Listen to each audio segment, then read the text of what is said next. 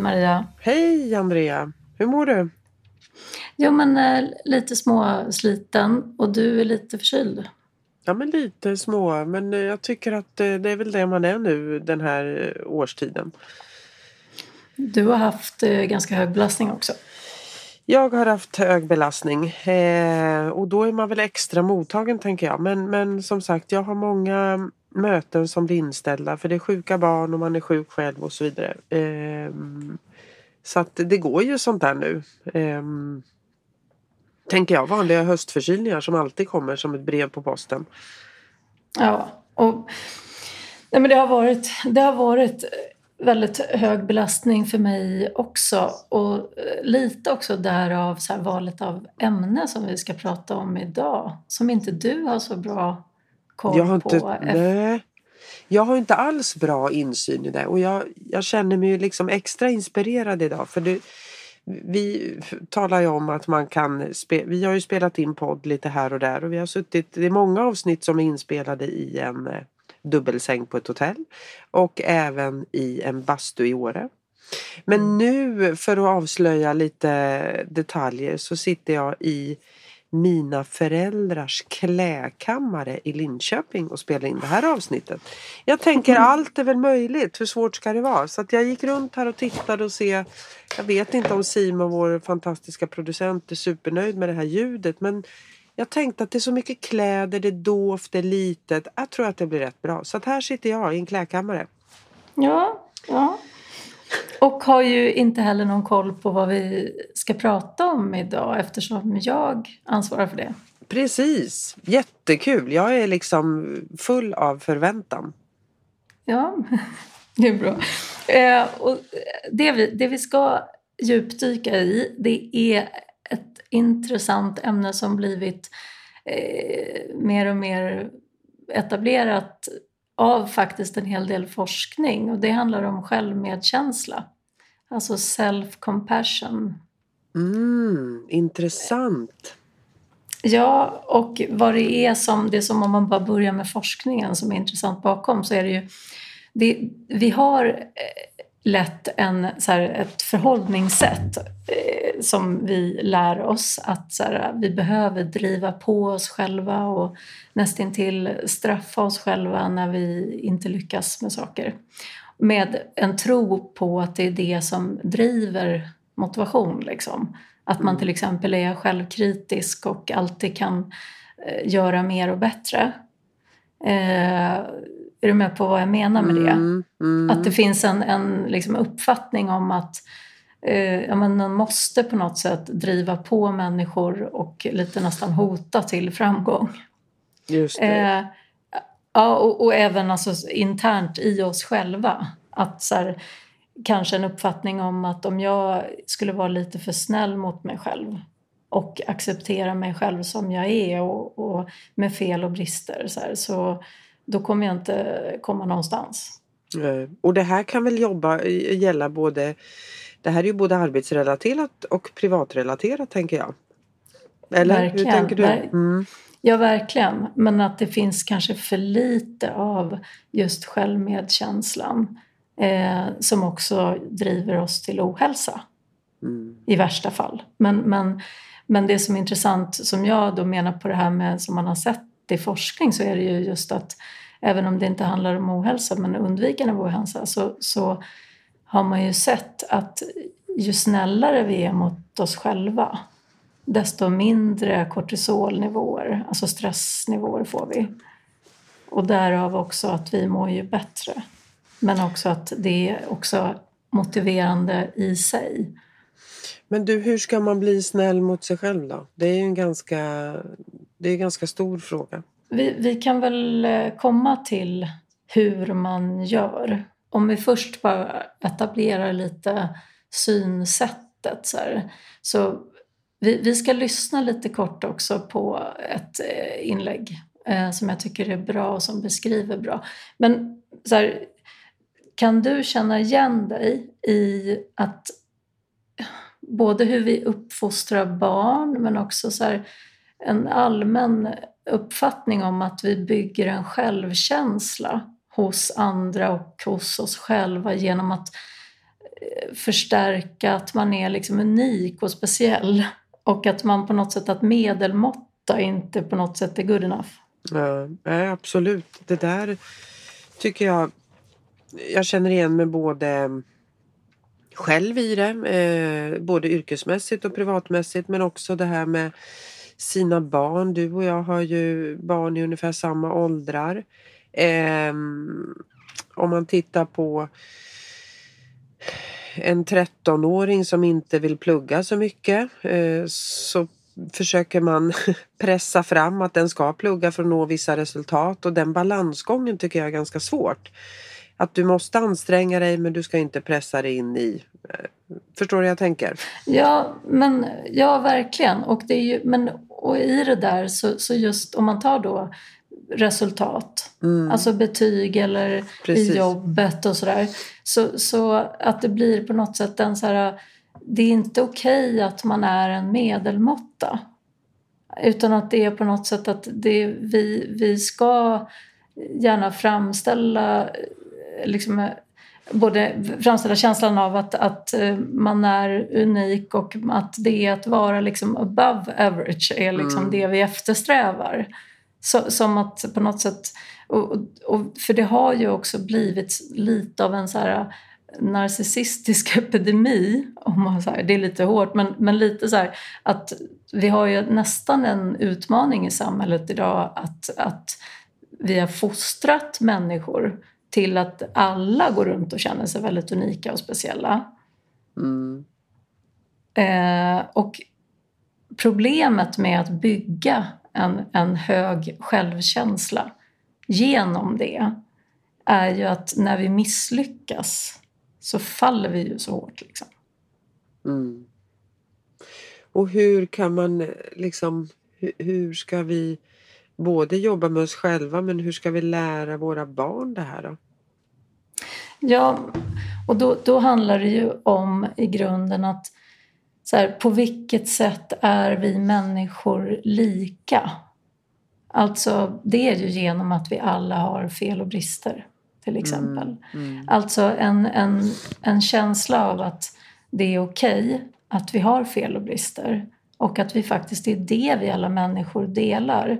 Det skapar ju en mindre, liksom, is, att vi blir mindre isolerade och mindre, mindre utanför. Mm. Alltså så här, utan att, att en större acceptans då. Och det var där jag tänkte att vi kan lyssna bara kort på Christine Neff som faktiskt är en av de mest här, etablerade forskarna inom området. Vi sätter på.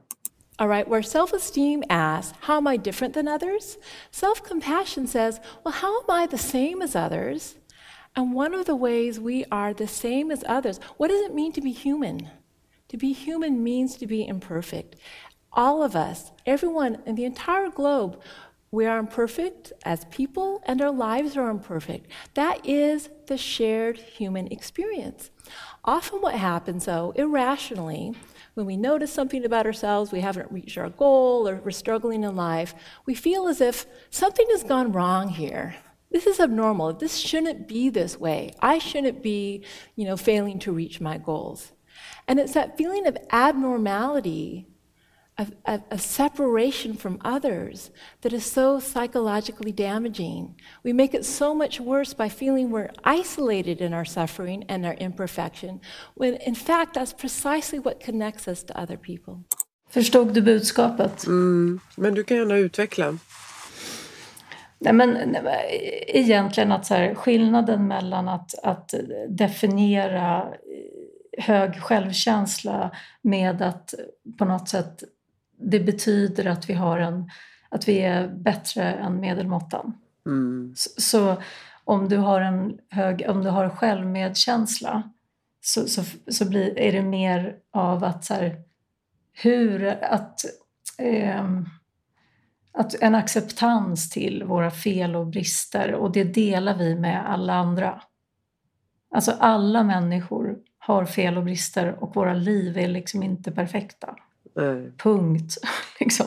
alltså, och med en ökad acceptans till det så kan vi också känna större samhörighet. Mm. med andra människor och en större acceptans till misslyckande. Verkligen. Och då har man ju, då tänker jag så här, då har man ju både som, jag som då både är förälder men också arbetsgivare har ju ett jättestort ansvar.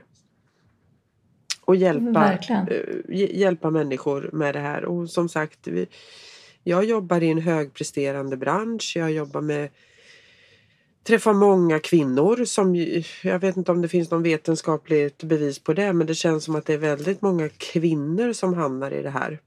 Ehm, så.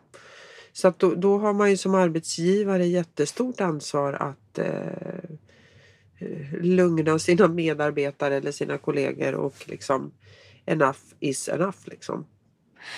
Ja, och det var intressant att du tog upp det där med just kvinnor för där har man ju gjort verkligen en... Det finns extremt mycket undersökningar och forskningar bakom att eh, alla barn har ungefär samma självkänsla upp till en viss ålder som är ungefär 9, 10. Alltså pojkar och flickor. Mm. Eh, jag är okej som jag är och här, att man känner sig bra. Eh, men efter nio års ålder så, så dyker Eh, kvinnors, eller barn, flickors eh, självkänsla. Eh, och alltså markant. Ja, det är så.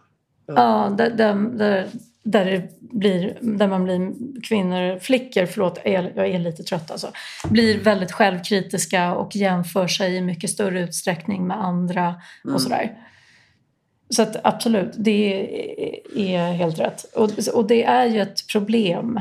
Liksom. Där, för, och, men, och det, det, som, det som jag ser och varför jag jobbar väldigt aktivt också med de här verktygen med människor jag träffar. Det mm. är ju just det där att liksom, acceptans till en sårbarhet inför sig själv och att känna med sig själv. Alltså det är ju alltifrån nu då när vi har en hög belastning, både du och jag till exempel. Så mm. Att, man, att, att man bekräftar sig själv i sin trötthet. Eller i sin ledsenhet eller i sin ilska. Att man så här, det, det är okej och så här, gud vad jag kämpar på. Mm. liksom, alltså, gud vad duktig jag är. Så här, bekräftar mm. sig själv och känna med sig själv. Att det är faktiskt tufft just nu. Mm. Och kanske vara lite mera snäll mot sig själv. Verkligen. Eller hur? Men jag ja. tänker också så här det här som du var inne på att uh, vi påverkas och jag bara backar så här om man nu pr pratar ungdomar och unga tjejer idag. när man själv var ung tjej så påverkades man ju inte på samma sätt för det fanns inte Instagram, det fanns inte alla sociala medier, det, det var inte på samma sätt. Nej. Nu är det ju ja, ibland kan jag faktiskt tänka att jag är glad att jag inte är, växer upp i dagens mobila mm. samhälle. Faktiskt. För att eh, mm det är tufft nog att växa upp och vara tonåring och känna bekräftelse och känna att man är, duger som man är. Och om man sen då sitter dagarna i ände på Instagram och tittar på vad, hur alla ska se ut och vad, vad medelmåtta ska vara idag och så vidare. Då blir det ju lätt att bli ledsen skulle jag säga. Men eh, verkligen. Och, och just för att, att det, det drivs också väldigt hårt det här att, att, att man bör vara unik och speciell. Att det är det som är på något sätt eh, framgången. Mm. Det är så, du måste eh, sticka ut liksom. Ja det... men exakt, precis. Och att man är sitt eget varumärke. Liksom. Uh. Och, men, och, och, det är just det där som blir problemet. Därför att i det så blir vi också ganska ensamma. Mm. Även om då när du bygger en självkänsla på att eh, du är unik och speciell som också föder det här att för att upprätthålla en upplevelse av att jag är eh, bättre än medelmåttan. Eller så här, jag, mm. För att upprätthålla det så föder ju det också att vi behöver trycka ner andra. Mm. Du kan bara upprätthålla att du själv har en hög, eh, liksom ett högt självförtroende, en hög självkänsla genom att, att eh, nedvärdera andra grupper. Alltså, och tycka liksom att de är sämre därför att. Som att det är en motsättning. Alltså, men och det blir på något sätt, effekten blir ju att ganska mycket, har vi sett, liksom mobbning i skolan. Mm, utanförskap. Mm. Ja, precis. Men också så en destruktiv liksom, tävlan kollegor emellan. Ja, ja. Alltså att vi måste på något sätt... Jag hamnar i ganska många sådana där sammanhang där det handlar om eh, ja, men mobbning på arbetsplats. Fast det är inte kanske uttalad mobbning, att det är en grupp mot en person, så, utan men att det är väldigt mycket grupperingar och mycket skitsnack och sådär. Mm. Och det där är ju det där på något sätt, att vi då måste på något sätt så trycka ner andra för att upprätthålla att vi är bra själva. Vilket inte... Och, så att, och det är det jag menar med lite så narcissistisk epidemi. Mm. Ehm, så att, och hur, hur man är då istället, vad, som, vad jag menar med effekten av en högre självmedkänsla inför våra fel och brister och att man inte alltid lyckas och att våra liv inte är perfekta. Eh, effekten av det är ju en större samhörighet med alla människor eftersom det är någonting som vi alla delar. Men vad har du för de som kommer till dig och liksom känner av det här utanförskapet och, och allting på en arbetsplats till exempel. Då, liksom hur, vad ger du för råd till dem i den stunden? Det, fast då, då, då är det ju kanske också ett konkret problem som finns att jobba med på arbetsplatsen. Mm, fattar, så man kan ta Alltså, tag- ja. precis. Jag, det jag skulle säga som jag jobbar med hela tiden det är ju det här att individer som är villiga att pressa sig själva hur hårt som helst utifrån att leva upp till organisationens förväntningar och, och på bekostnad av sig själv till en extrem grad. Då. Och att det är ganska mycket frånvaro av självmedkänsla i att man kämpar. Och, att, så här, och där behöver man ju etablera just att en självmedkänsla i att, att faktiskt utveckla färdigheter i att kunna tycka synd om sig själv. Kunna känna för sig själv. Att kunna se sig tillåta det själv. menar Ja, du liksom? Ja. Verkligen. Mm. Eh, och- att, för när vi gör det så blir det också enklare att eh, kunna bekräfta alla de känslor som vi hamnar i utan att också behöva agera på dem.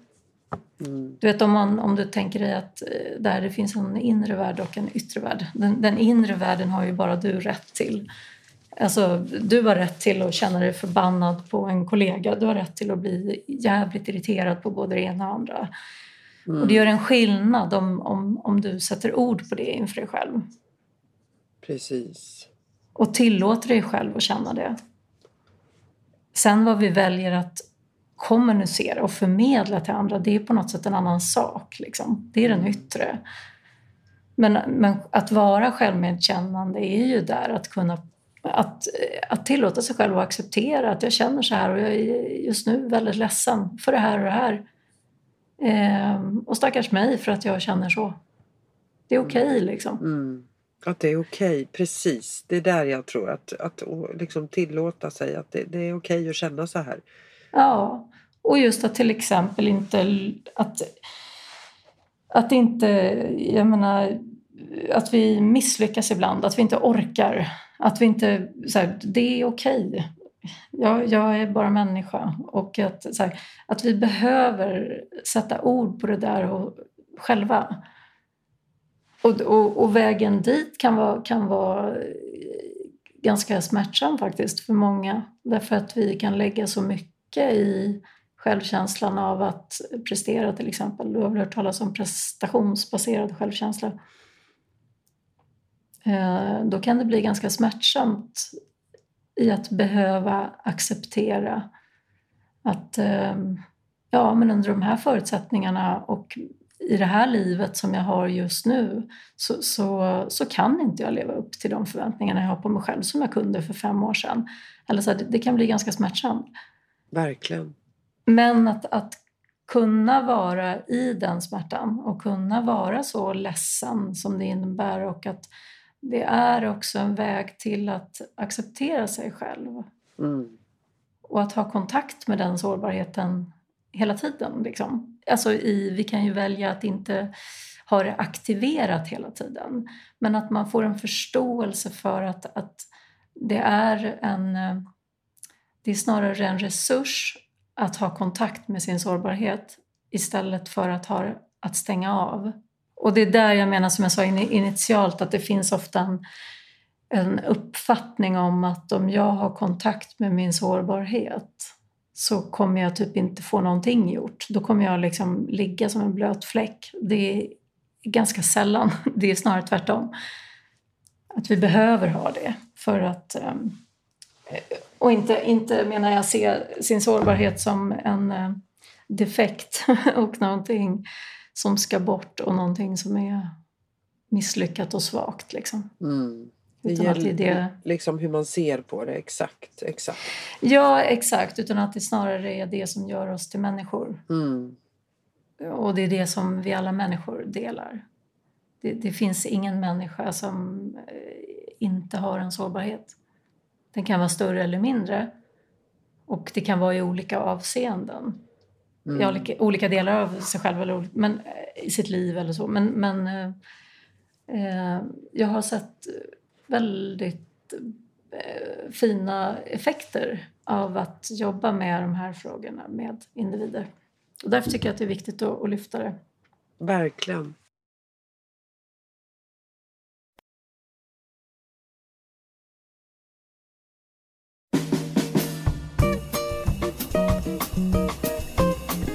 Hur jobbar man med att förstärka sin självmedkänsla? Mm. Eh, Alltså, det är ju genom att, att eh, bli mer lyhörd för eh, sina signaler. Av eh, till exempel, nu är jag trött. Så eh, och att inte bara att inte gå i motstånd till det liksom, utan att man istället så här, eh, embracear och tar hand om det och, och bekräftar sig själv i att ja, men jag är trött därför att jag har tagit i ganska hårt i några dagar och jag har inte fått det här. Och att så här, nu är det lite jobbigt. Jag känner mig trött liksom. Eh, och att, att då, då förstärker man en acceptans till att det är okej okay, genom att vi förklarar för oss själva varför. Så här, vi kan stanna upp i det, vi kan tillåta oss att vara trötta. Problemet blir ju när vi kör på och inte accepterar. Så att, att, att vara lyhörd för, för kroppens signaler och också känslor, det vi mm. upplever. Jag blev eh, fan irriterad just nu. Varför blev jag irriterad? Men jag blev förbannad på det där och det där. Och liksom, det är okej att jag blir det. Ja. Jag får känna precis vad jag vill. Ja, jag tillåter det så. Mm. Ja, jag skulle säga min, mitt tips skulle väl vara liksom om man nu tittar på en arbetsrelaterad situation där det är för mycket och man känner hög prestation och det här med att faktiskt be om hjälp. Att det är inte någonting som är dåligt. Eh, ja. Man klarar inte allt själv utan det är faktiskt okej okay att när man känner sådär, det du beskrev, så är det okej okay att be om hjälp. Man behöver inte mm. göra allting själv. Man är inte ensam i det. Man behöver bara försöka sätta ord på sina känslor så att man får omgivningen att förstå var man befinner sig. Och sen så eh, tror jag att man har ett gäng kollegor som backar upp i en sån situation. Förhoppningsvis. Då har man i alla fall försökt, tänker jag. Ja, verkligen. Ja, men det finns så mycket prestige i kompetens. Mm. Alltså så, och kan man på något sätt eh, ta bort lite prestige och kunna så stå för liksom, det där är jag inte så bra på. Helt ärligt, här, är, så här, kan du på något sätt bidra eller någon annan som kan bidra här. Det är ju jättestärkande. För, för relationer emellan men också för den inre pressen. Ja, acceptans till att vi, vi, vi behöver inte vara bäst på allt, som du Nej, sa. Där. behöver inte vara perfekta. Men du, då får vi önska varandra en fortsatt härlig dag då. Vi gör det. Och eh, du ska ju sova lite tycker jag. Ja, man behöver alltid ta igen lite sömn så här i slutet på veckan tycker jag. Eller hur? Ja, men också när man är lite förkyld. Så ja, precis. Det där kan man bara sova bort. Och så um, hörs vi snart. Ja, det gör vi. Bra, bra. Hej, hej så länge. Hej.